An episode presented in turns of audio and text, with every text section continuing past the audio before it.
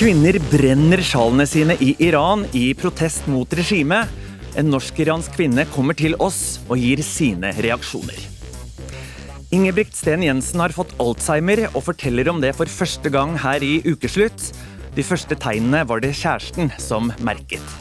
Og da spør jo jeg om morgenen hvor skal du i dag? Jeg skal til Brønnøysund, og så skal jeg til, til Bergen, sier hun da. Og så går det ti minutter, og sier jeg hvor skal du i dag? Skjønnhetsklinikker byr på det meste, ikke bare fillers. Når det kommer til filler, så er det morsomt, for det er som et slags implantat som man bare kan sprøyte inn, så det endrer utseendet ganske mye. Eh, så da kan man jo egentlig på en måte egentlig gjøre alt. Ja, det fins mange måter å endre utseendet på, men hvorfor blir mange så sinte av det, spør vi. Hei til Halden, Horten og Hammerfest og resten av vårt langstrakte land, og hjertelig velkommen til ukeslutt. Vert for dagens sending er meg, Knut Øyvind Hagen. Nå skal vi høre at det er bevegelse i lærerstreiken. Forrige uke så lagde tre jenter streikedagbok til ukeslutt. La oss høre litt av det de hadde å si. I dag har jeg ø, gjort en del matte og spansk. Og jeg merker hvor lærerne har ekstremt mye å si, for at uh, det er veldig vanskelig å gjøre ting alene uten oppfølging. Ja, savner litt rutiner nå, da. Så vi får håpe vi kommer straks tilbake på skolen. Jeg har veldig koselige lærere, så jeg savner jo veldig lærerne mine. Reporter Hina Jalil, du er på Riksmeglerens kontor. Får jentene de koselige lærerne sine tilbake snart? Ja, Det gjenstår å se. Partene er eh, fortsatt i forhandlinger og håper å komme frem til en løsning. Lærerorganisasjonene har forlatt møtet hos Riksmekleren, men skal møtes igjen senere i dag. Eh, for å fortsette mm, diskusjonene og samtalene for å se om de kan komme frem til eh, noe løsning på denne streiken som har vart en stund. Hva sa partene på vei inn til møtet?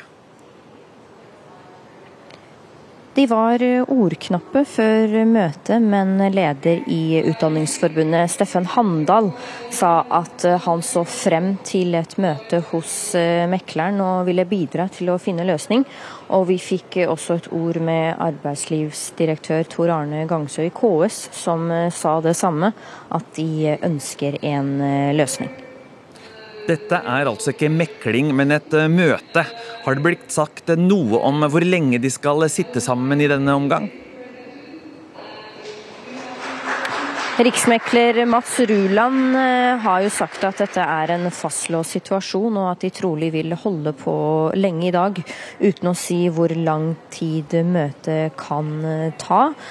Og det var jo først etter møtet med kunnskapsminister i går som ikke førte frem at riksmekler kalte partene inn i dag.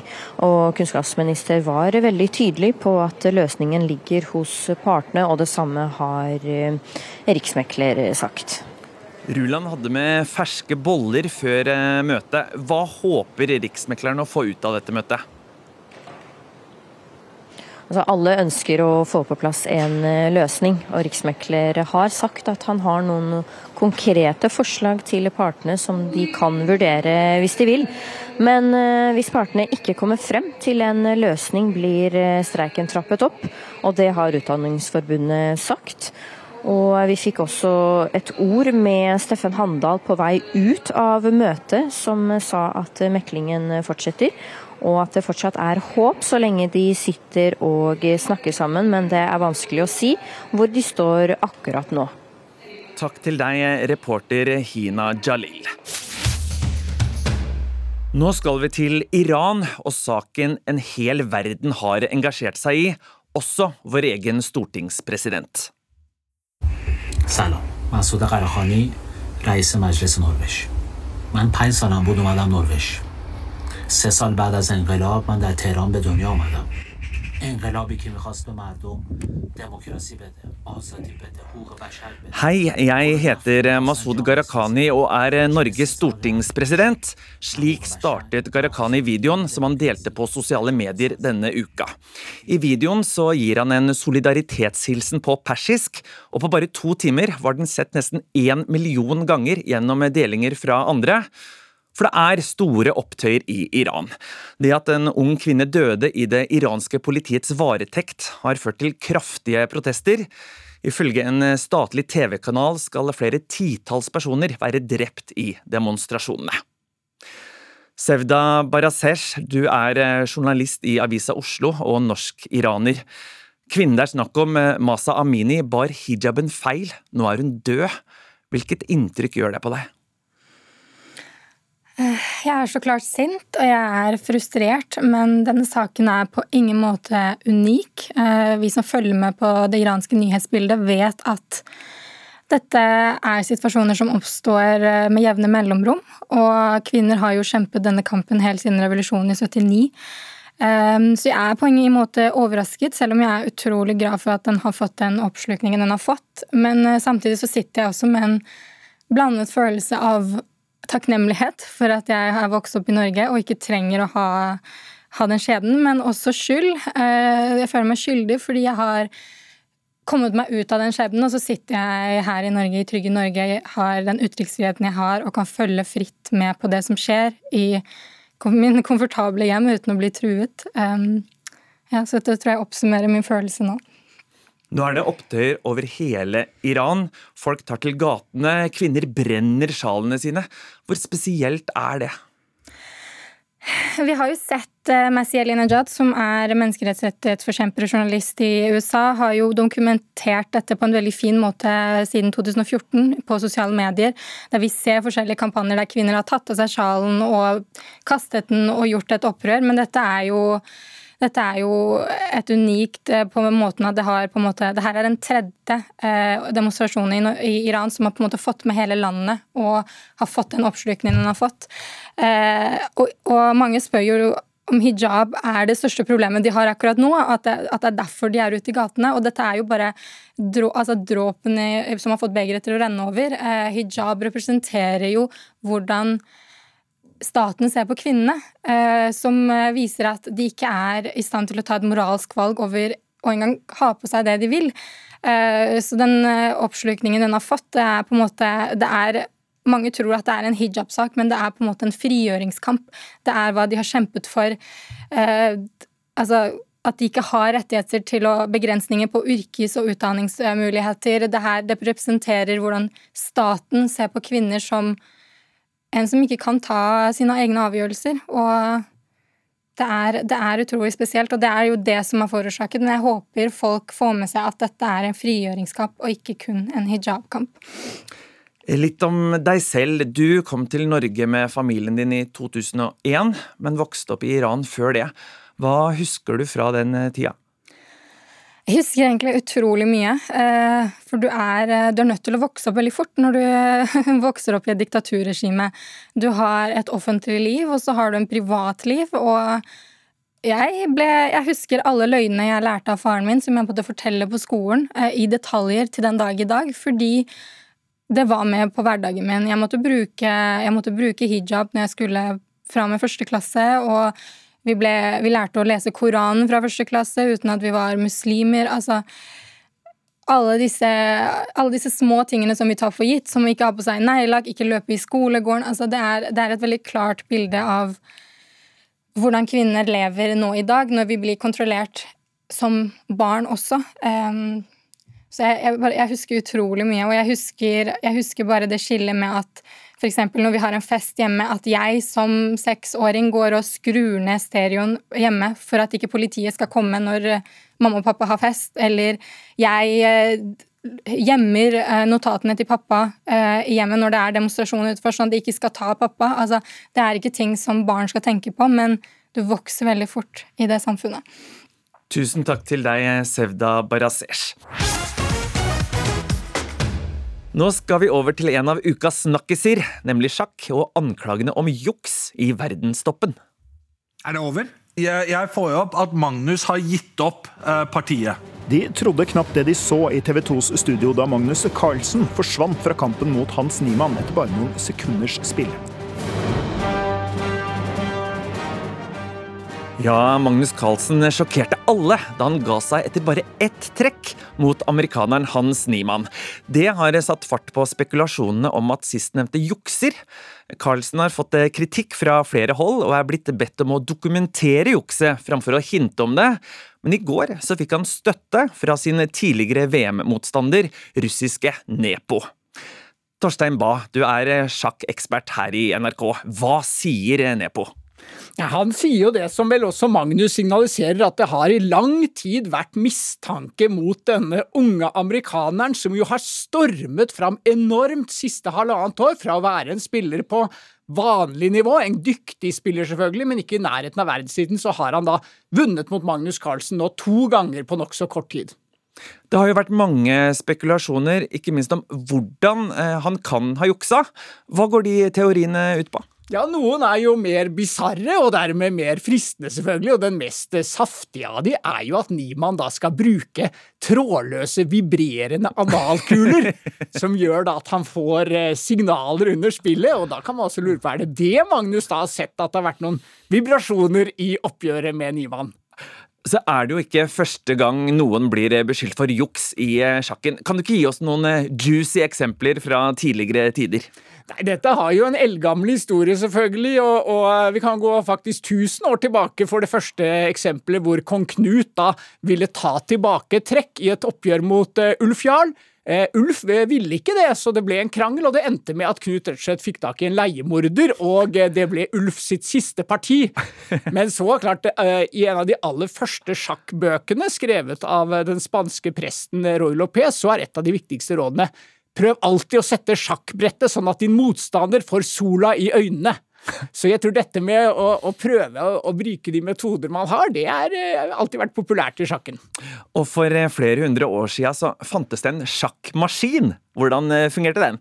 Ja, Det var en av de store attraksjonene da på hoffene som, som en ungarer som het Kempelen fant på en automatisk sjakkmaskin Eh, hvor det da var eh, tanken at det skulle fremstå som det var en robot som, eh, som gjorde dette.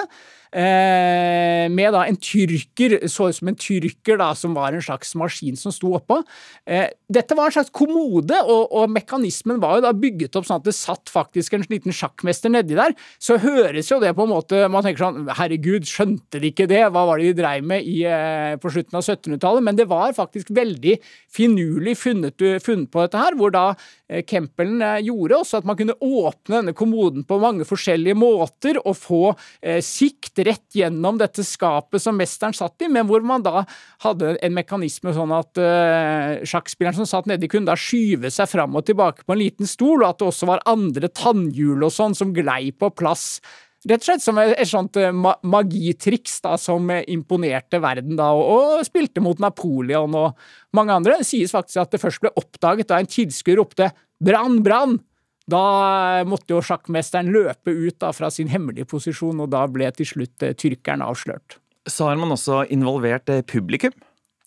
Det er jo liksom, spørsmålet alltid, når det er juks, som i dette tilfellet med Niemann, hvordan er det kan skje? Og da er det ene man kan tenke at kanskje man klarer det selv, men ellers så er det jo det at man prøver å, å blande inn eh, publikum på en eller annen måte. og i VM-matchen i 1978 eh, mellom eh, Karpov fra Sovjetunionen og avhopperen Kortsjnoj, så mente jo Kortsjnoj at Karpov der installerte en parapsykolog som satt i publikum og hypnotiserte Kortsjnoj under eh, spillet. Kortsjnojs svar på det var da at han skaffet seg sånne speilesolbriller, som da igjen satte Karpov ut spill, og selv rekrutterte også to yogier til å sitte der. Og det mener Kortsjnoj da nøytraliserte parapsykologen til Karpov. Karpov.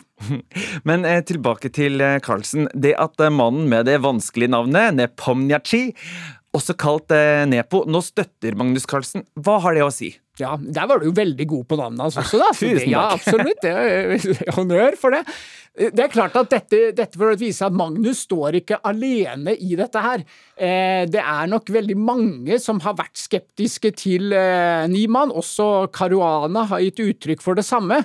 Så problematikken er jo litt i sjakken liksom, at eh, likevel kan spillerne på en måte også påta seg rolle som dommer og bøddel samtidig, som, eh, som en kommentator i Aftenposten skrev.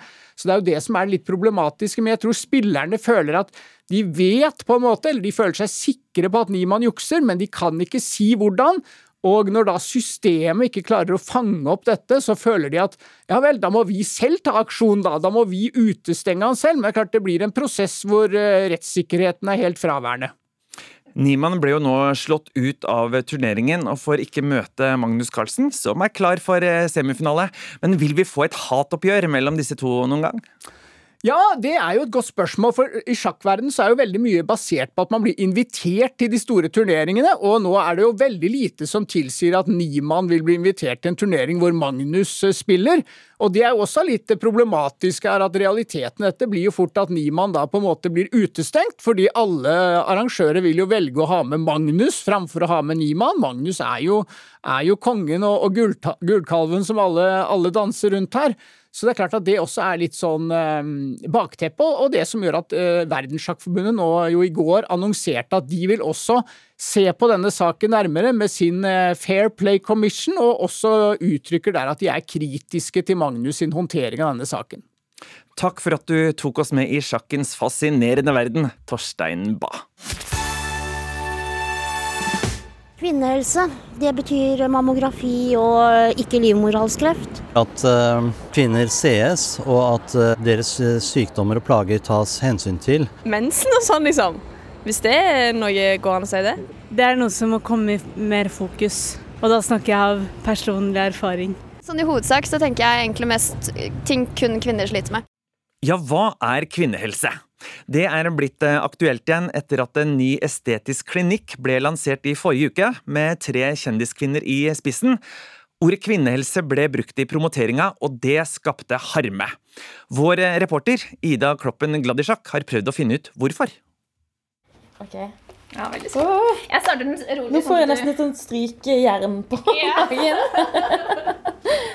Åh, jeg føler jeg får støt. Her hører du meg prøve ut en maskin som visstnok skal gi meg mer definerte magemuskler.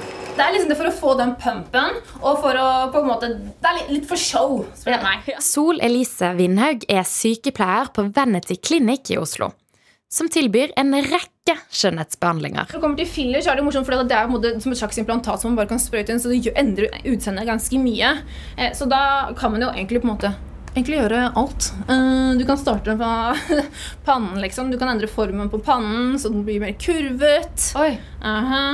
Tinningene blir mer innsunken med alder. Man kan fylle opp de, så du får um, gjenopprettet volumet som er tapt der. Du kan fylle med skinnbein. Hiya, Bobby. Hi, Ken. You wanna go for a ride? Sure, Ken. Det er mange klinikker som kan fikse på utseendet ditt. Forrige uke kom det enda en, da den estetiske klinikken Nomi ble lansert. Kjendistrioen Pia Tjelte, Synnøve Skarbe og Vanessa Rudjord sørget for at den ble lagt merke til. Det tok ikke mange minuttene fra Dagens Næringsliv skrev om eh, en ny skjønnhetsklinikk til sosiale medier nærmest eksploderte. Klinikken og kjendistrioen fikk kraftig kritikk fordi de brukte ordet kvinnehelse i lanseringen. Jeg vil si at den har ingenting med kvinnehelse å gjøre i det hele tatt. De kunne ha brukt stemmene sine til å påvirke myndighetene til å faktisk gjøre noe med kvinnehelse. Det kjøres på en slags faglighet da, med her kvinnehelsebegrepet. Man blander kvinnehelse inn i et tilbud som handler om det estetiske. Kjendiskvinnene svarte med å trekke seg fra klinikken og beklaget det hele. Her legger Synnøve og Vanessa seg flate i sin egen podkast. Det er vi oppriktig lei oss for. Så er Levi vi sier si unnskyld til alle dere som vi har skuffa og såra. Men hvorfor er Botox og fillers så provoserende, egentlig? Jeg møter en av kritikerne på et konferansesenter i Oslo. Line Marie Warholm, eh, psykologspesialist og psykoanalytiker, og spaltist i Aftenposten. Hvis det er sånn at man tror, eller i hvert fall har en fantasi om at alle gjør jo det, eh, så blir det kanskje vanskeligere å være fornøyd med seg selv sånn som man er, da, og ikke gjøre det. ikke sant? Eller hvis alle tar rynkebehandling, og du plutselig blir den eneste som går rundt med et normalt fjes, så, så er det vanskeligere, da. Tilbake på skjønnhetsklinikken Vanity sitter jeg i en typisk salongstol med et håndholdt speil tett opp mot ansiktet. Jeg har liksom aldri tenkt at jeg skal gjøre noe, da. I speilet ser jeg en 24 år gammel jente med ung og stram hud, naturlige rosa eplekinn, og jeg har til og med øyelokk som holder seg oppe helt av seg selv. Likevel spør jeg om skjønnhetstips fra sykepleier Sol Elise. Nei, det er jo vanskelig, da. Altså, Hvis jeg sier noe, så kommer du til å tenke på det. ikke sant? Men jeg insisterer, og til slutt får jeg svar. Ja, nei, du har jo noen smilelinjer, liksom. Det hadde kanskje gått an til å gjort noe med hvis du hadde lyst til det. Litt sånne Liksom sånn- små ting. Eh, Hvor er er de smilerynkene? Er det liksom under øynene og litt sånn ved munnen og sånn? Ja, litt rundt Ja. øynene. Ja. Mm. Men fjerner du dem, så på en måte mister du også litt den evnen til å liksom flørte med øynene. og sånne ting. Altså, så det er også viktig. Jeg sminker meg, styler håret og lakker neglene mine. Er det egentlig noe forskjell på det og på å ta en liten dose Botox for å få bort smilelinjene? Det spør jeg psykolog Line Marie om. Jeg striper jo håret mitt, og jeg går til frisør og klipper det. Og, og hvor på en måte Om man skal mene noe om hvor den grensa skal gå, da. Men jeg tenker at det at vi har en bevissthet da rundt den påvirkningen vi har på andre, ikke sant. Om man først vil endre på utseendet sitt, finnes det nesten ikke grenser for hva man kan få en quick fix på. Det her er hårfjerning, kryolipolysemaskin. Dette er en cellulittmaskin. Eh, og så har vi da eh, IPL, som tar eh, pigment, pigmenteringer. Og Dette her er en massasjepistol for å liksom løse opp de fødselscellene etter, etter at de har blitt eh, fryst. Så her har vi en hudanalysemaskin. Og så har vi en hydrofacial-maskin her. Med alle disse maskinene og mulighetene på klinikken, lurer jeg på om Sol Elise føler at hun bidrar til dette skjønnhetspresset som både psykologen og andre snakker om. Indirekte så ja, vi gjør jo det. Men på en måte, det er jo tilbud som tilbud og etterspørsel. Det er jo et kjempestort etterspørsel etter disse her. Men eh, vi må jo passe på at vi ikke ja, lager for hardt måte, skjønnhetsideal. Jeg skjønner at folk blir provosert. Jeg skjønner at folk ikke har lyst til at det her skal være At det er sånn det skal være. Da. Vi skal være på en måte et, et samfunn der, eh, der man ikke skal ha det presset med skjønnhet over seg. Jeg ser absolutt det. Du kan jo si at jeg er hyklersk også, som jobber med det. Men jeg tenker også at det her, sånn er det. Psykolog Line Marie synes ikke vi bare skal finne oss i at skjønnhetspresset er her. Og jeg tenker at vi også kan ta helt bevisste valg. Ikke sant? Den forbrukermakten vi har. Det er bare å velge å ikke gjøre det. Så hvis mange av oss velger å ikke gjøre det, så blir det jo, blir jo det en trend. Og derfor så er jo jeg litt glad for den debatten vi har fått også. Fordi at i stedet for at det har sneket seg inn som en sånn følelse av at det er mange som gjør det, at nå er det helt oppe i dagen mange sterke kvinner som har stått frem og sagt at nei, dette må vi snu, dette er vi imot. Mulighetene er nesten uendelige, og det kan være lett å finne feil bare man stirrer lenge nok i speilet. Men jeg er usikker på om en magemuskelmaskin er noe for meg. Oi! Ah! Kjenner du det? Ja. Au! Nei, nå tror jeg ikke jeg klarer meg.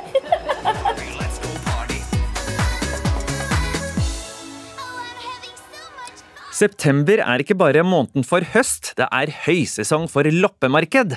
På drøssevis av skoler og andre samlingssteder er det i helgen loppis, som man gjerne kaller det, og mange tar turen for å titte på alt fra skrot til skatter.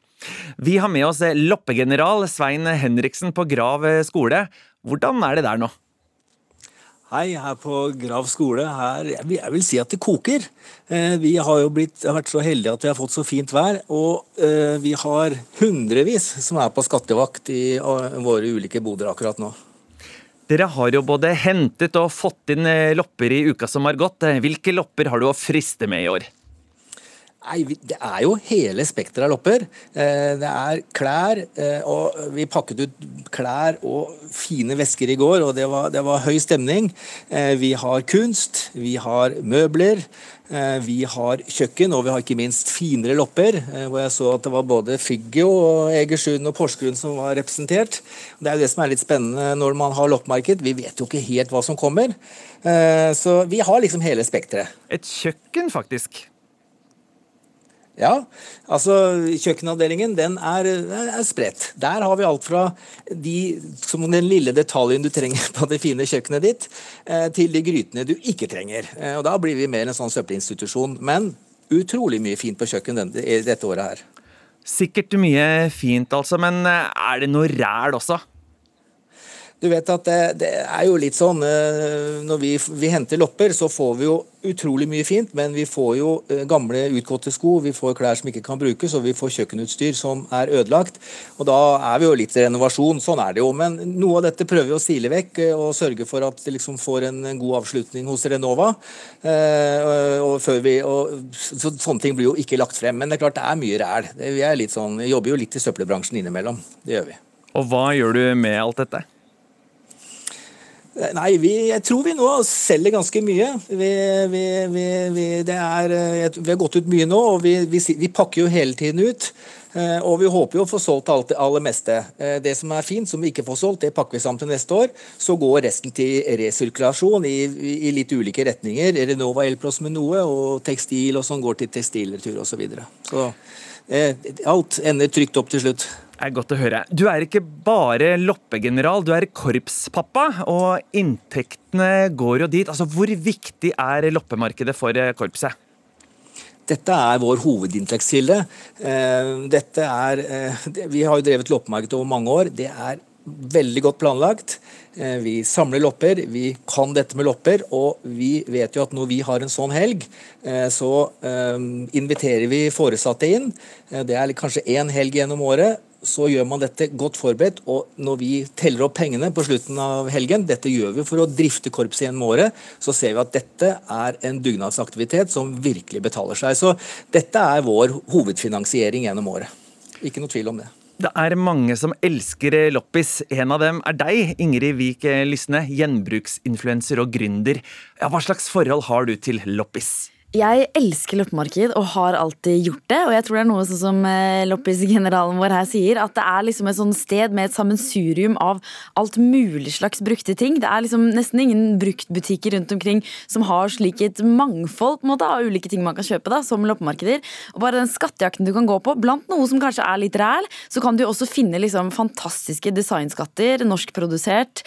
Eh, og jeg tror liksom den skattejakten er det i hvert fall jeg virkelig elsker med loppemarked. Og hva er det største kuppet du har gjort? Det aller største kuppet jeg har gjort, eh, det var at jeg eh, fikk et gullanheng gratis på Hasle skole, tror jeg det var for oi, noen oi, år siden.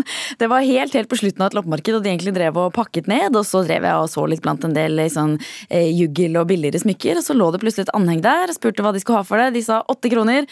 Og så hadde jeg ikke det i kontanter, og så endte det med at jeg bare fikk det gratis fordi uansett skulle pakke ned. Så kom jeg hjem, så så jeg at det var et anheng i ekte gull. Så det var virkelig et kupp for min del. Blir du frista av menyen? Menyen fra Grav skole i Bærum? Veldig. Jeg sitter nå her i turtøy og har egentlig planlagt en tur opp i skogen etterpå, men eh, nå driver jeg og liksom ser på klokka om det er mulighet til å kanskje dra innom en tur på Grav skole allikevel, fordi jeg blir veldig fristet. Hva er den aller største skatten, eh, tenker du, loppegeneralen? Nei, jeg vet ikke. Det, jeg, nå, Ingrid er vel en sydame, så jeg tror Ingrid vil finne mye nede i klessalongen vår eh, som er veldig godt ryddet og sortert godt. Der ser jeg at eh, liksom, eh, disse som har en designer in spe, er og leter. Eh, ikke noe tvil om det i det hele tatt. Er man interessert i porselen, så tror jeg det fremdeles er noen ting. Og på kunstsiden Vi solgte i stad, så var det en av selgerne våre som solgte et bilde, sa at skulle ha 200 kroner. Eh, fikk eh, 1000 kroner. Hva vi solgte da, vet ikke jeg. Eh, men det var iallfall en hyggelig gest, eh, hvor vi da fikk litt ekstra fra en som skjønte hva han hadde kjøpt. Hva er det aller beste du har tatt imot eh, gjennom tidene, da? Du har jo vært general noen år. Ja, du, ja det, vi kommer ikke utenom. Eh, vi hadde her i, Sist gang vi hadde loppemarked, så kom, eh, kom, det noen på vår ordinære levering på kvelden og leverte en gammel kjelke, gamle ski med feller under. Eh, Så forsto vi at de var etterkommere av Otto Sverdrup, en av de tre store polfarerne. Oi, det fikk vi sjekket ut. Eh, Vi fant ut at eh, dette fikk verifisert eh, på Jeg husker det var et av museene som hjalp oss. eh, Og skjønte at dette var Om de ikke har vært på Polen, så var det iallfall fra riktig tidsperiode. Eh, Vi fikk skræmlet, fikk annonsert dette litt ut. eh, Solgte det for 75 000 kroner på slutten av loppemarkedet. Bedre kan vi vel nesten ikke gjøre det. Så det var en fantastisk opplevelse. Det tror jeg på. Eh, Ingrid Vik Lysne, hva er dine beste råd til de som vil ut på skattejakt? Mitt aller beste råd er å komme tidlig. Da er du blant de første som får se gjennom. Men jeg syns også faktisk det kan være et godt råd å komme helt på slutten. For da, i hvert fall på de større mar- loppemarkedene, så settes på en måte alt ut som man ikke har fått solgt gjennom helgen. Og da kan man gjøre noen skikkelig gode kupp. Og så er det også å ta seg god tid og gidde å lete. Jeg har funnet fantastiske plagg ved å liksom grave helt nederst i en kleshaug. Og ved å liksom se ordentlig på tingene. Og noen kan jo bli veldig overveldet av at det er mye ting. Det er i alle forskjellige stiler blandet og sånn. At man ofte liksom ser seg litt blind på hva slags ting som faktisk er fint, som man kan finne på å ønske seg. Eh, Så prøv å liksom ta tingene, løft det litt opp, ta det litt vekk fra alt det andre. Se om det faktisk er, eh, er ting du kan like. Svein Henriksen, generalen sjøl, hvor mye håper dere å få inn denne helga? Nei, Vi vet jo aldri det, men eh, vi håper å sitte igjen, for å ikke røpe for mye, med noen hundre tusen kroner. Det håper jeg vi gjør. Så, eh, så bare tenkte jeg å kommentere kort på det Ingrid sier. Eh, Det er jo sånn at vi pakker ut hele tiden. Jeg er jo ikke helt sikker på, som Ingrid sier, om det største kuppet på loppemarkedet her på Grav ennå er gjort, fordi vi har så mange uåpnede esker. Så, men dette er gode inntekter for oss til drift av skolekorpsene resten av året. Måtte dere inspirere andre til å komme seg ut i helgen og dra på skattejakt. Takk til dere Svein Henriksen på Grav skole i Bærum og Ingrid Vik Lysne. Vi kommer til å bli en fargeglad. Vi kommer til å bli kjempemorsomme. Vi kommer til å ha en sentral midtbane hvor tre mann til sammen er 40 år. Reklameguru, fotballentusiast, samfunnsengasjert så det holder. Ingebrigt Sten Jensen har lenge vært i offentlighetens lys. Men denne uken fikk vi vite noe helt nytt om mannen. Det ble nemlig kjent at han har alzheimer, og forteller i en bok hvordan det er å leve med sykdommen. Ingebrigt Sten Jensen, velkommen hit. Tusen takk. Det er ikke lenge siden du var hos oss i Ukeslutt, og det i debatt. Da ante verken jeg eller lytterne at du har eh, alzheimer. Hvordan har du det akkurat nå? Ja, Det er nesten fælt å si det, men jeg har det uforskammet bra. Jeg syns jeg våkner opp til hver ny dag eh, og gleder meg til den. Jeg har ingen plager, eh, påviselig i hvert fall. Eh, Jeg ser optimistisk på framtida, så jeg er uforskammet lykkelig. Hva slags reaksjoner har du fått etter at dette ble kjent for bare noen dager siden? Jeg har i hvert fall fått enormt mange reaksjoner, og, og de er jo preget av stor grad av deltakelse. Altså, bra du sier fra, eh, du er modig.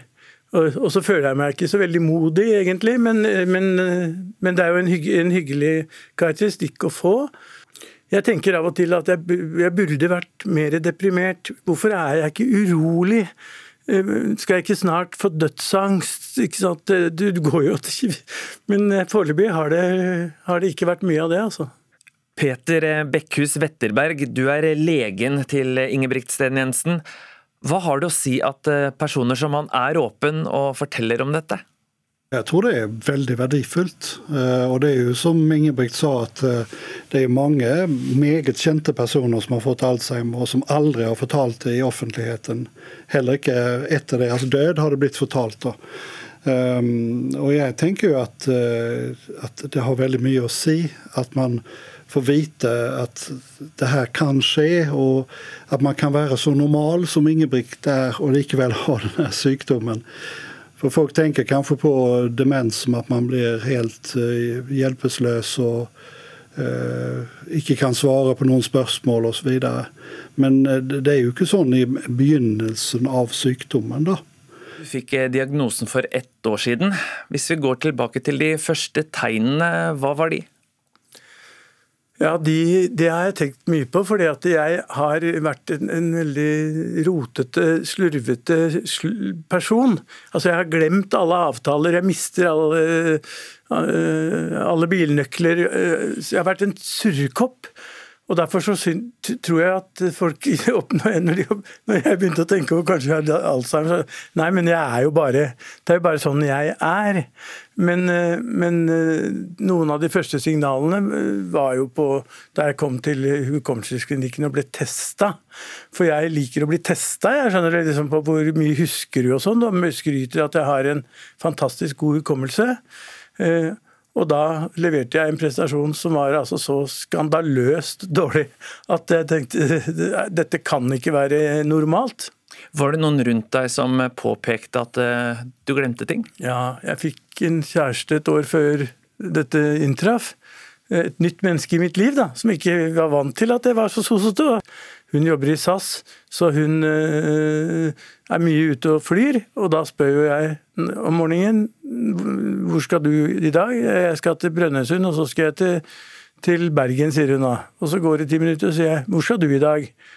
Brønnøysund og Bergen. Ja. Så, så hun sa det der er ikke normalt.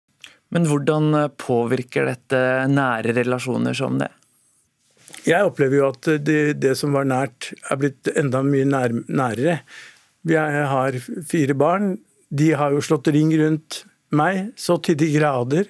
Eh, vært med på veldig mange av møtene vi har hatt med deg, med Peter, på uh, hukommelsesklinikken. De har skrevet hvert sitt kapittel i boka mi, til og med, for det hadde de lyst til å gjøre. Og det er gripende, til og med for en som ikke er far, tror jeg. Eh, for det er så nært og sårt og personlig og allikevel optimistisk.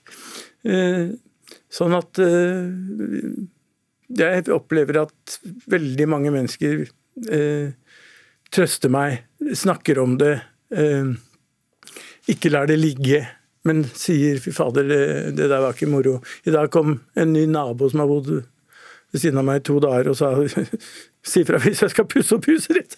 Omtrent, ikke sant? Det er nesten på det nivået. Men eh, kjenner du også på sinne?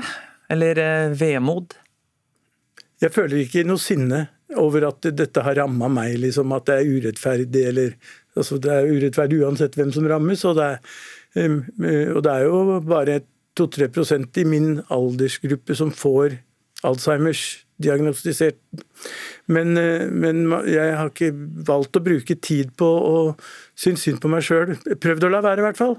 Tenkt at det er mye bedre å gå livet lyst i møte og glede seg over hver eneste ting. Og her har jo Peter vært til enorm hjelp, for jeg spurte han tror nesten det var første gang jeg møtte deg. eller eh, vil, vil, Jeg har lyst på et råd fra deg, for det hadde jeg jo. Eh, og ikke, ikke veldig masse, men hvis du skulle gi meg et råd, hva ville du gjort? Ja, da sa Peter jeg ville gitt deg to.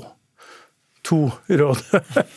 ja, tenker jeg, Det var deilig! Det kommer jeg til å huske, selv jeg. Eh, og da sa Peter det første rådet er å sette deg ned og tenke gjennom alt det som gjør livet bra for deg.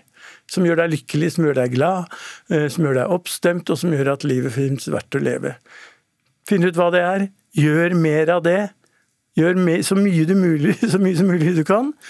Og, og, eh, og oppleve at, eh, at livet har, er, er, er rikt og har massevis av gode ting. Det var lett å sette seg ned og skrive det. Så sa han så tar du alt, alle de verste tinga du veit, og skriver ned. Eh, alt som skaper uro, stress, angst, skam. Og så legger du det i en kasse som du senker ned på havets bunn. Så gjør du aldri noe mer av det. Det var en veldig grei sammenfatning, da, fast du formulerer deg nesten bedre enn jeg gjorde med, med de rådene.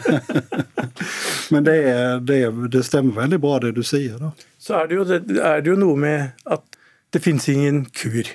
Det fins ikke en medisin, en pille jeg kan ta Eh, jeg tar riktignok noen piller, men det er eh, bremsemedisin som gjør at Alzheimeren utvikler seg langsomt. Og det er også helt umulig, for det er jo det alle, så vidt jeg har forstått, da, alle vil vite. Hvor lenge er det til jeg blir kjempedårlig? Hvor lenge har jeg igjen?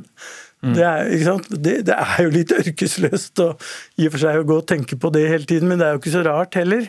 Eh, men det kan de altså ikke Korrigere meg hvis det har skjedd noe siden sist. Det kan ikke du si til meg. Nei. Nei, og det er jo sånn at Nesten uansett hva man svarer på det spørsmålet, så blir det feil. ikke sant? Jeg, ja. Jeg sier til deg du har kanskje fem gode år, og så viser det seg at du har ti gode år. ikke sant? Og omvendt. da. Ja. Så, eh, og ja, flere av mine kolleger har jo jobba med å se er det noen faktorer som gjør at man kan forutsi hvordan det kommer til å gå. Mm. Men vi, vi finner egentlig ikke noen sånne faktorer som gjør at man kan det. Tusen takk for åpenheten din her i Ukeslutt, Ingebrigt Sten Jensen, og takk også til deg, lege Peter Bekkhus Wetterberg. Men jeg har fått det til i Norge, da. Det får en si. Mista religion og morsmål, roper banski. Med noen hvite menn som pusher 50. Jeg fucker med noen hvite menn som pusher 50. Verden styres av noen hvite menn som pusher 50. Så du ser meg med noen hvite menn Ja, de synger bl.a. om hvite menn som pusher 50, hiphopperne i Karpe, som nylig solgte ut Oslo Spektrum ti ganger. Men hvor blir det av kvinnene i Karpes univers? Det er et tema for en artikkel på nettstedet Subjekt, og som har fått mange reaksjoner. Filmskaper og kunstner Kristin Stubberud, du kritiserer Karpes kvinnesyn. Hva er det du reagerer på? Jeg ser eh, I Omar Sharif-universet så er det en kvinneskikkelse som for meg oppleves eh, veldig endimensjonal. Eh, og det er en masse av kropper som, har, som er uten stemme og uten identitet. Og for meg så er det det oppleves som et estetisk tonalt valg, som er bevisst eller ikke bevisst. Eh, Men jeg syns uansett det er problematisk. Og så er det kjempeinteressant å se på dette isolert fra det mangfoldet som de allerede representerer så fantastisk bra. Da. Men det her er åpenbart en eller annen litt rar blindsone, som jeg syns er veldig viktig å få fram. Vi skulle egentlig hatt en motdebattant her i studio, men hun har blitt eh, syk. Men vi har fått følgende tilsvar fra Karpes manager Silje Larsen Borgan. Hør her. Vi i teamet mener kritikken er malplassert. Hun som har skapt og regissert uttrykket til robotene, som vi kaller daughters, eh, og de andre involverte, vet at The Mother Limited er en drømmemaskin, en slags kvinnestyrt moderskip som iverksetter drømmene, altså låtene, eh, i Omar Sharif. Og så er vi overrasket med tanke på plassen til de sterke kvinnelige utøverne i Spektrum. Eh, Emilie, Harprit og Mira. Eh, på hver sine instrumenter, som formet veldig mye av det musikalske uttrykket der. Eh, Karpe som helhet er rett og slett et ganske balansert univers. Eh, med tanke på både minoriteter og, og kjønn sammenlignet med andre acts i alle størrelser, egentlig. Hun tar jo her tydelig til eh, motmæle. Hva tenker du om det hun sier? Nei, jeg, jeg ser det. Jeg ser uh, sci-fi-referansen. Uh, og jeg ser Emilie Nicolas sammen med Harprit og Mira, som er fantastisk. Uh, men disse tre er også en gjester i et allerede skrevet univers, så det er det jeg syns er interessant ved å se på disse kvinneskikkelsene som allerede er der. Og, og jeg har jo også blitt veldig interessert i om at, at kanskje det jeg ser, at det speiler noe på innsida. Så jeg har også tatt kontakt og forhørt meg med noen involverte. Og inntrykket mitt da er at det har vært litt vanskelig å snakke om dette som kvinne. Og det syns jeg er en nyanse som er veldig viktig å få frem. Og det er helt eh, legitimt at de har blitt enige om hva konseptet er. Eh, men så kan det være veldig forskjellig hva et konsept er på papir, og hvordan det faktisk føles å være med på det, og hvordan det føles eh, i forhold til tilhørighet og verdi. Karpe er jo et hiphop-band med to menn. Eh, De ser ting fra et mannlig ståsted. Er det ikke da naturlig at det blir mer fokus på menn? Ja, absolutt. Mm. Men det er bare kjempe Det er bare kjempemange flere nyanser i det. Eh, og den innerste sirkelen som Karpe har, eh, som jeg ser, er jo også menn. Og det kan også bare speile hvordan det er å, å jobbe på det prosjektet, tror jeg. Men De fleste mener jo det er bra med representasjon av begge kjønn, men blir det ikke litt vel mye hvis alle artister skal ha lik fordeling i tekster og budskap og på scenen? Nei, det er jo eh, Det handler om så mye mer enn at det er en tvangstrøye eller at man skal telle hoder. Da. Det her er, det er veldig viktige estetiske valg. Eh, og jeg har også sett litt på eh, produksjonen, eller det som skjer bak produksjonen. Og jeg leste gjennom krediteringen til Omar Sharif filmuniverset som ligger på nett. Og i nøkkelrollene der, som handler om manus, eh, regi, produsent, så var det null prosent kvinner. Og det er faktisk dårligere enn på landsbasis, som ligger på 17,4 uh, Så der har du litt å hente. Engasjementet om Karpe vil definitivt leve videre. Takk for at du kom, Kristin Stubberud. Vi skal tilbake til utenrikssaken som får hele verdens oppmerksomhet. 22-åringen som ble pågrepet av moralpolitiet og døde i varetekt. Nå er det mange kvinner i Iran som kaster og brenner hodesjalet sitt og klipper håret sitt i protest. Sissel Wold, utenriksmedarbeider her i NRK. Du har reist mye i Iran, og du har noen plagg med deg her i studio. Kan du beskrive klærne for lytterne våre? Ja, jeg har tatt med noen islamske uniformer fra Iran. Dette er jo da det kvinner må gå med. Og jeg har på en selv som er veldig vanlig, og da skal jeg beskrive den. Den er svart, den er laget av bomull, den går eh, langt ned på låret, rett over kneet, og så kan den knappes igjen, og det er veldig viktig. Og alle kvinner må jo da gå med disse uniformene som heter manteau, etter det franske ordet manteau, og så ha et sjal da, som eh, dekker håret. Eh, og jeg har vært veldig interessert i å følge med på de iranske klesmotene, fordi at eh, det viser litt stemningen og atmosfæren i Iran. Og i løpet av de tolv årene jeg har reist der, så jeg har sett en stor eh, endring. Og I begynnelsen, rundt 2007, 2008 til 2010, så var det svart og det var mørkeblått og det var brunt. Men plutselig så begynte du å se litt mer mønster på disse mantoene, uniformene. Men i fjor sommer så, så jeg noe veldig interessant. Da gikk jeg inn i en butikk, og da har jeg laget dette bildet som jeg også skal forklare for radiolytterne. hvor Jeg kom inn i en butikk, og da hang det bare uniformer i lyse farger. Det er rosa, eh, gult, lysegrønt, lyseblått. Og dette var jo noe helt annet. For her tenker man eh, vestlig, egentlig? Absolutt. Og dette ser jo ut som en hvilken butikk i Vesten. Men uh, i august i år så strammet uh, den veldig konservative presidenten Ibrahim Raisi til, så nå tror jeg fargene går tilbake til mye mørkere klær. Man må knappe dem mer igjen. Du er mye strengere med hvordan du dekker til håret, f.eks. Når du har reist til området med fly, hva skjer i løpet av den flyturen? Ja, det er en veldig spesiell opplevelse. fordi Hvis du går på fly f.eks. i Istanbul, så er det jo masse kvinner som går på flyet i singletter, T-skjorter, trange kjoler, ikke noe på håret, de fleste. Eh, og det er liksom en helt vanlig, vanlig passasjergruppe. Og med en gang vi lander, og dørene begynner å åpne seg, så ser du en total forvandling. Alle kvinnene tar på seg disse mantåene, disse mørke uniformene, og så dekker alle til håret. Og så er det plutselig en eh, helt annen gruppe kvinner som går av flyet, enn de som gikk på flyet. Det er veldig spesielt. Hva tenkte du da du først hørte om denne Massa Amini-saken? Jeg tenkte at nå kommer folk til å bli eh, veldig sinte, fordi at eh, nettopp i fjor sommer så var det jo mye eh, lite sånn frislipp når det gjaldt farger. Og, og, det kvinner sa til meg i fjor sommer var at vet du hva, vi har så mye problemer i Iran, vi må få puste og få kle oss litt mer som vi vil.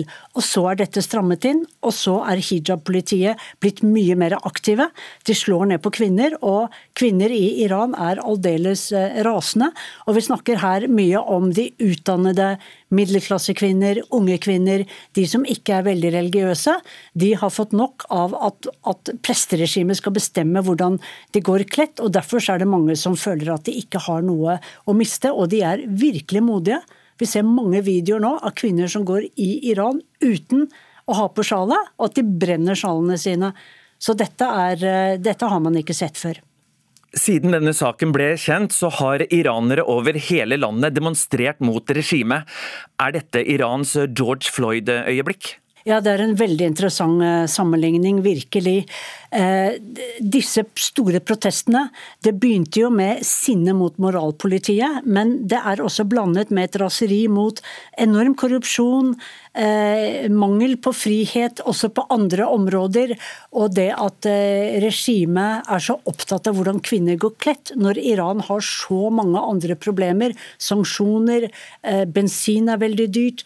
Eh, det er veldig vanskelig for folk å leve nå. Det er en enorm arbeidsledighet blant unge mennesker, nesten 30% Det er jo ting eh, de unge, særlig kvinner, mener at iranske myndigheter bør være litt mer oppmerksom på, enn om kvinner viser et hårstrå for mye eller ikke. Takk for at du ga oss både sjal og skildring, Sissel Wold. Vi lærer barna våre at godteri spiser vi bare på lørdager. Men noen ganger blir søtsuget for stort, og når vi voksne tror vi sniker til oss en godtebit i smug midt i uka, ja, så blir vi avslørt av små barn med superhørsel. En pappa skrev et humoristisk klagebrev til Nidar om plagsomt knitrende godteemballasje. Det førte til tusenvis av kommentarer og delinger. En stor mamma- eller pappahånd forsøker å snike til seg litt potetgull eller sjokolade. Jeg vet dere spiser potetgull. Men små barneører avslører lynkjapt den hemmelige operasjonen. Hei, Nidar. Et lite spørsmål. Hvordan er det mulig å lage et så bråkete papir på godteri? Øyvind Sundfær skrev altså frustrasjonen i et innlegg på Nidars Facebook-sider. Jeg sto nå og laga litt mat på kjøkkenet her, og så skulle jeg knekke av en bit med om det var noe Crispo eller Stratos her som lå her. Og så hørte jeg bare alarmen gikk et annet sted i huset her, og da var det gjort, da. Så måtte nå bare legge det tilbake igjen i papiret og late som ingenting. Så eh, ja, det er en helt fantastisk eh, hørsel på de barna da, når de kommer de er ganske selektive. Så prøver man jo å be dem om å rydde rommet, så hører de ingenting. Da svarer de ikke engang. Men er det noe godteri på gang, da er det ganske bra respons, da. Og kommentarfolket bobla over av gode og knirkefrie råd. Anja Kjønberg skrev at planlegging er viktig når barna skal lures. Eh, og da er det jo å ha over i egna emballasje som ikke bråker. Og så må man gjemme det på strategiske plasser i huset. Hvor kan det være? Garderoben.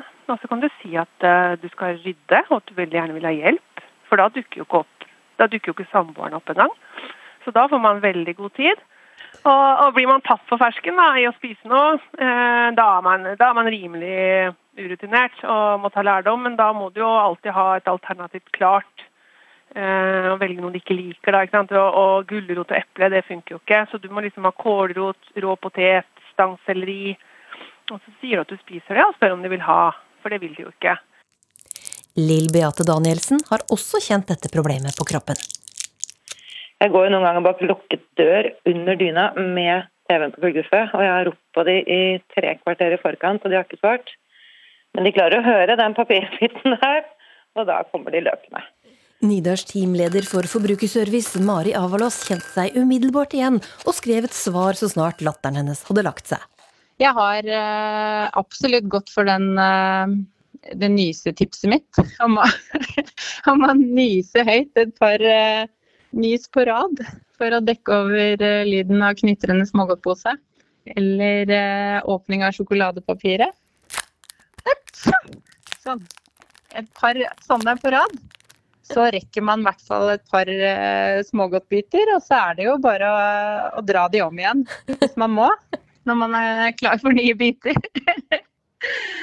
og jeg har også um, hatt gjemt smågodt i uh, selskapserterinnpakning eller, og tomatbønnerinnpakning i skuffen.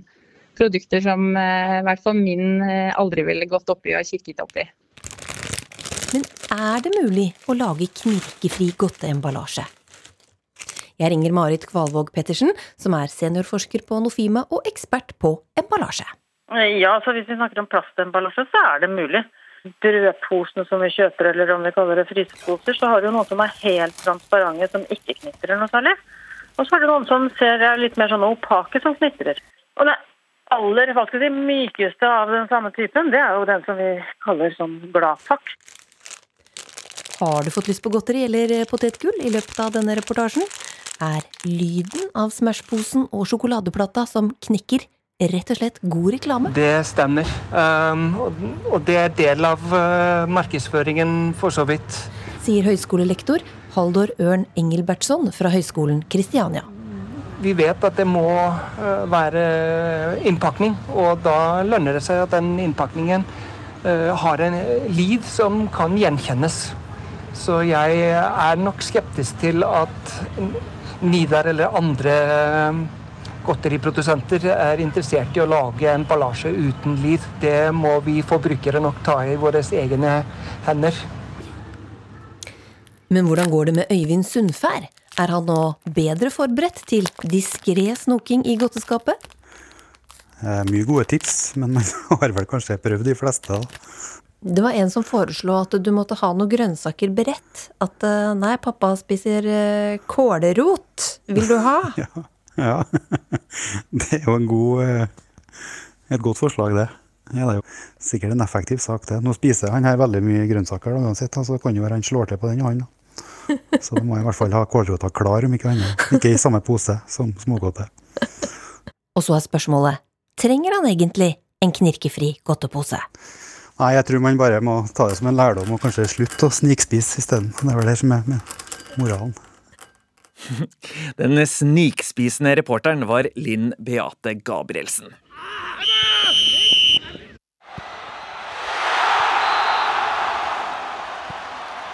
Ja, våre beste menn i fotballdrakt skal i aksjon i kveld. Slovenia må beseires for å ha en god kurs mot EM i fotball. Og uansett om man liker fotball eller ei, fotballgutta får mer oppmerksomhet enn på lange tider. NRKs sportskommentator Jan Petter Saltvedt, hvordan vil du beskrive interessen rundt eh, landslaget nå? Det er, eh, det er den største interessen rundt landslaget som har eh, vært ja, hvor langt tilbake skal vi gå? Jeg tror den optimismen vi har nå, ikke har vært opplevd vi, siden vi var i EM i 2000. Det var en periode etterpå hvor vi var veldig nær å gå til to sluttspill. men da var vi så godt vant at det var en sånn nedadgående entusiasmekurve vi var på. Nå er vi veldig på vei opp det er jo, Vi må jo tilbake til 90-tallet. Og jeg vet jo at det fins eh, nå snart et par generasjoner der ute som irriterer vettet av seg at vi alltid skal dra den henvisningen. Men vi føler jo det nærmer seg noe. Og så er det en ganske stor forskjell. Eh, fordi den gangen så hadde vi kollektiv som var så sterkt, uten stjerner, som fikk oss til å tro på noe religiøst. Nå har vi en enkeltspiller, en halvannen stjerne og et i all nøkternhet ganske middels kollektiv, som også får oss til å tro på at det fins eh, både høyere makter og uh, mulighetene for Norge i mesterskap. Og når man snakker om tro og æraer, så er det jo ingenting som kan måle seg med Drillo og hans disipler på 90-tallet. Ingen hadde opplevd å vært med på noe sånt før. Nærmere mikrofonen. Vi hadde ikke vært i et VM siden 1938. Nærmere mikrofonen. Mygg er på plass. Vi er faktisk med helt i teten på VM-tipset, Mini! Er du? Poeng etter. Det er bra, Sørloth. Vi var så forventningsfulle. Der er Ola by right. Magic Jones. Det var liksom en sånn kulminasjon av tre år med opptur. da. Stort sett bare vunnet kamper og vært nummer to på Fifa-rankingen og omtrent uslåelig. Ja, det er en nydelig nostalgi. Jo Vemund Svendsen, du sto bak eh, fotballfilmen Alt for Norge, som vi hørte utdrag av eh, her. Vært på kino, snart på Netflix. Kan landslaget nå sammenlignes med denne storhetstida på 90-tallet, mener du? Eventuelt eh, hvordan? Ja, Ikke ennå, er jeg frista til å si, egentlig. Jeg tenkte på det før jeg kom hit at det at jeg lagde den filmen med Daniel Høglund, har ikke gjort meg til noen sånn fotballekspert på linje med Jan Petter. Eh, men det, eh, men det, har jo gjort meg enda mer bevisst på dramaturgien rundt det hele. da. Jeg husker jeg var også Norge-Montenegro på Ullevål eh, når de vant 2-0 for litt siden. Da hadde jeg jobba med filmen i tre og et halvt år, så det var rart å sitte som tilskuer på Ullevål. For jeg følte at dette er et narrativ jeg dette er et narrativ jeg liksom er med å bygge. Og hvis vi skal prøve å putte det som skjer i dag, med Haaland og Ødegaard og Solbakken og you name it, inn i den dramaturgiske modellen som vi jobba med når vi lagde filmen Alt for Norge om Norge på 90-tallet, så er vi ennå bare et kvarter ute i filmen. Eh, og eh, det er noe eh, Først så begynner det liksom, det litt, står litt dårlig eh, stelt til. Og så får du en bitte liten opptur, og så kvarter ut i dramaturgien så kommer du til et punkt som heter uh, 'Anything can happen'. Og du var inne på det samme. Håp. Der er vi nå. Haaland sitter og sier det har vært gøy å vinne VM i Norge. Alt kan skje, men reisen begynner liksom typ, Du kan nesten si i dag, da. Følger vi nuller litt ut, begynner i dag.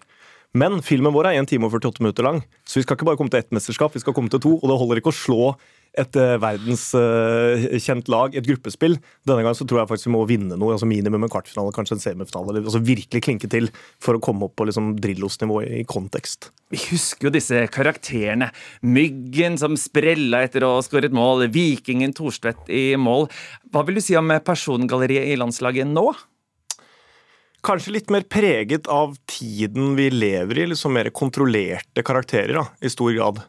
En som jeg ble veldig glad i vil jeg si, når han entra manesjen, det var jo han Torsby, Morten Thorsby. Eh, og han har et sånn samfunnsengasjement. ikke sant? Fyller den rollen som, er, som, passer inn med hvordan vi mener at det, eh, folk som er gode i idrett, skal, skal, være i dag.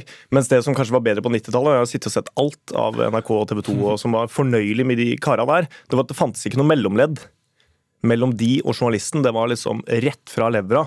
Og det gjorde det liksom folkelig og tilgjengelig på en helt annen måte. da. Og jeg vil nesten si at En av de eneste i stallen i dag som kan sammenlignes med det, er jo Haaland. Av alle ting som også er den største stjernen med det, eh, det største apparatet rundt seg. F.eks. etter eh, kampen mot Sverige, når nettopp Thorsby hadde filma seg til en straffe.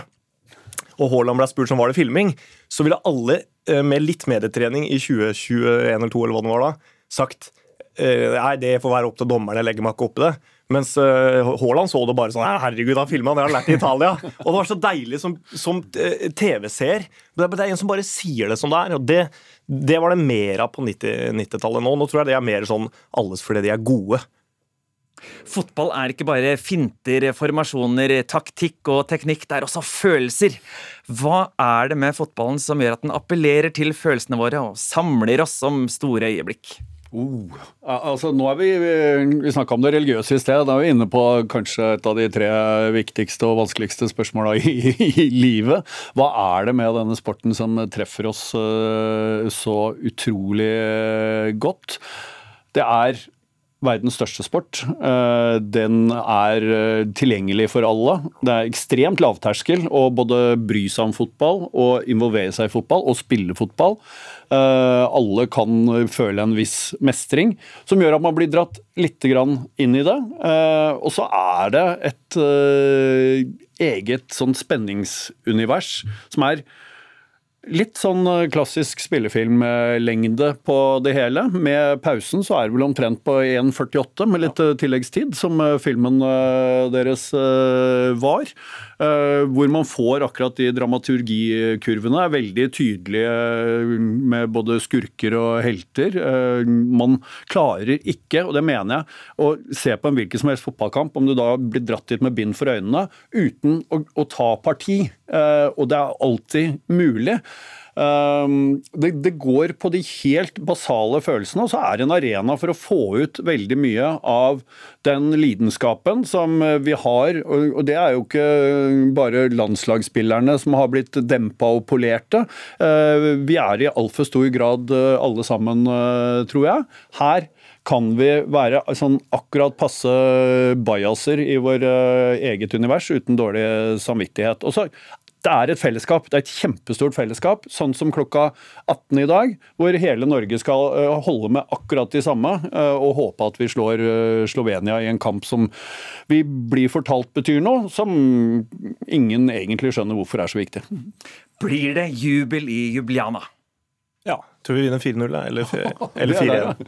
Du tar en Teigen-optimist. Anything can happen. Ja, jeg, skal, jeg skal til Tønsberg etterpå, så det passer bra med Teigen eh, akkurat der. Jeg må bare si, hvis man lurer på hvorfor man skal være, være med på reisen Nå har du sagt at vi er kvarter inne i den neste filmen din. Uh, og så er det halvannen time igjen der, som forhåpentligvis er en reise alle skal få være med på om igjen.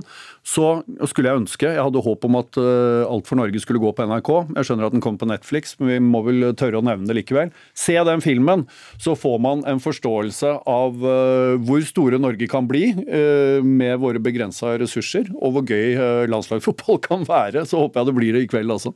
Takk skal du ha, Jan Petter. Jeg vippser deg etterpå.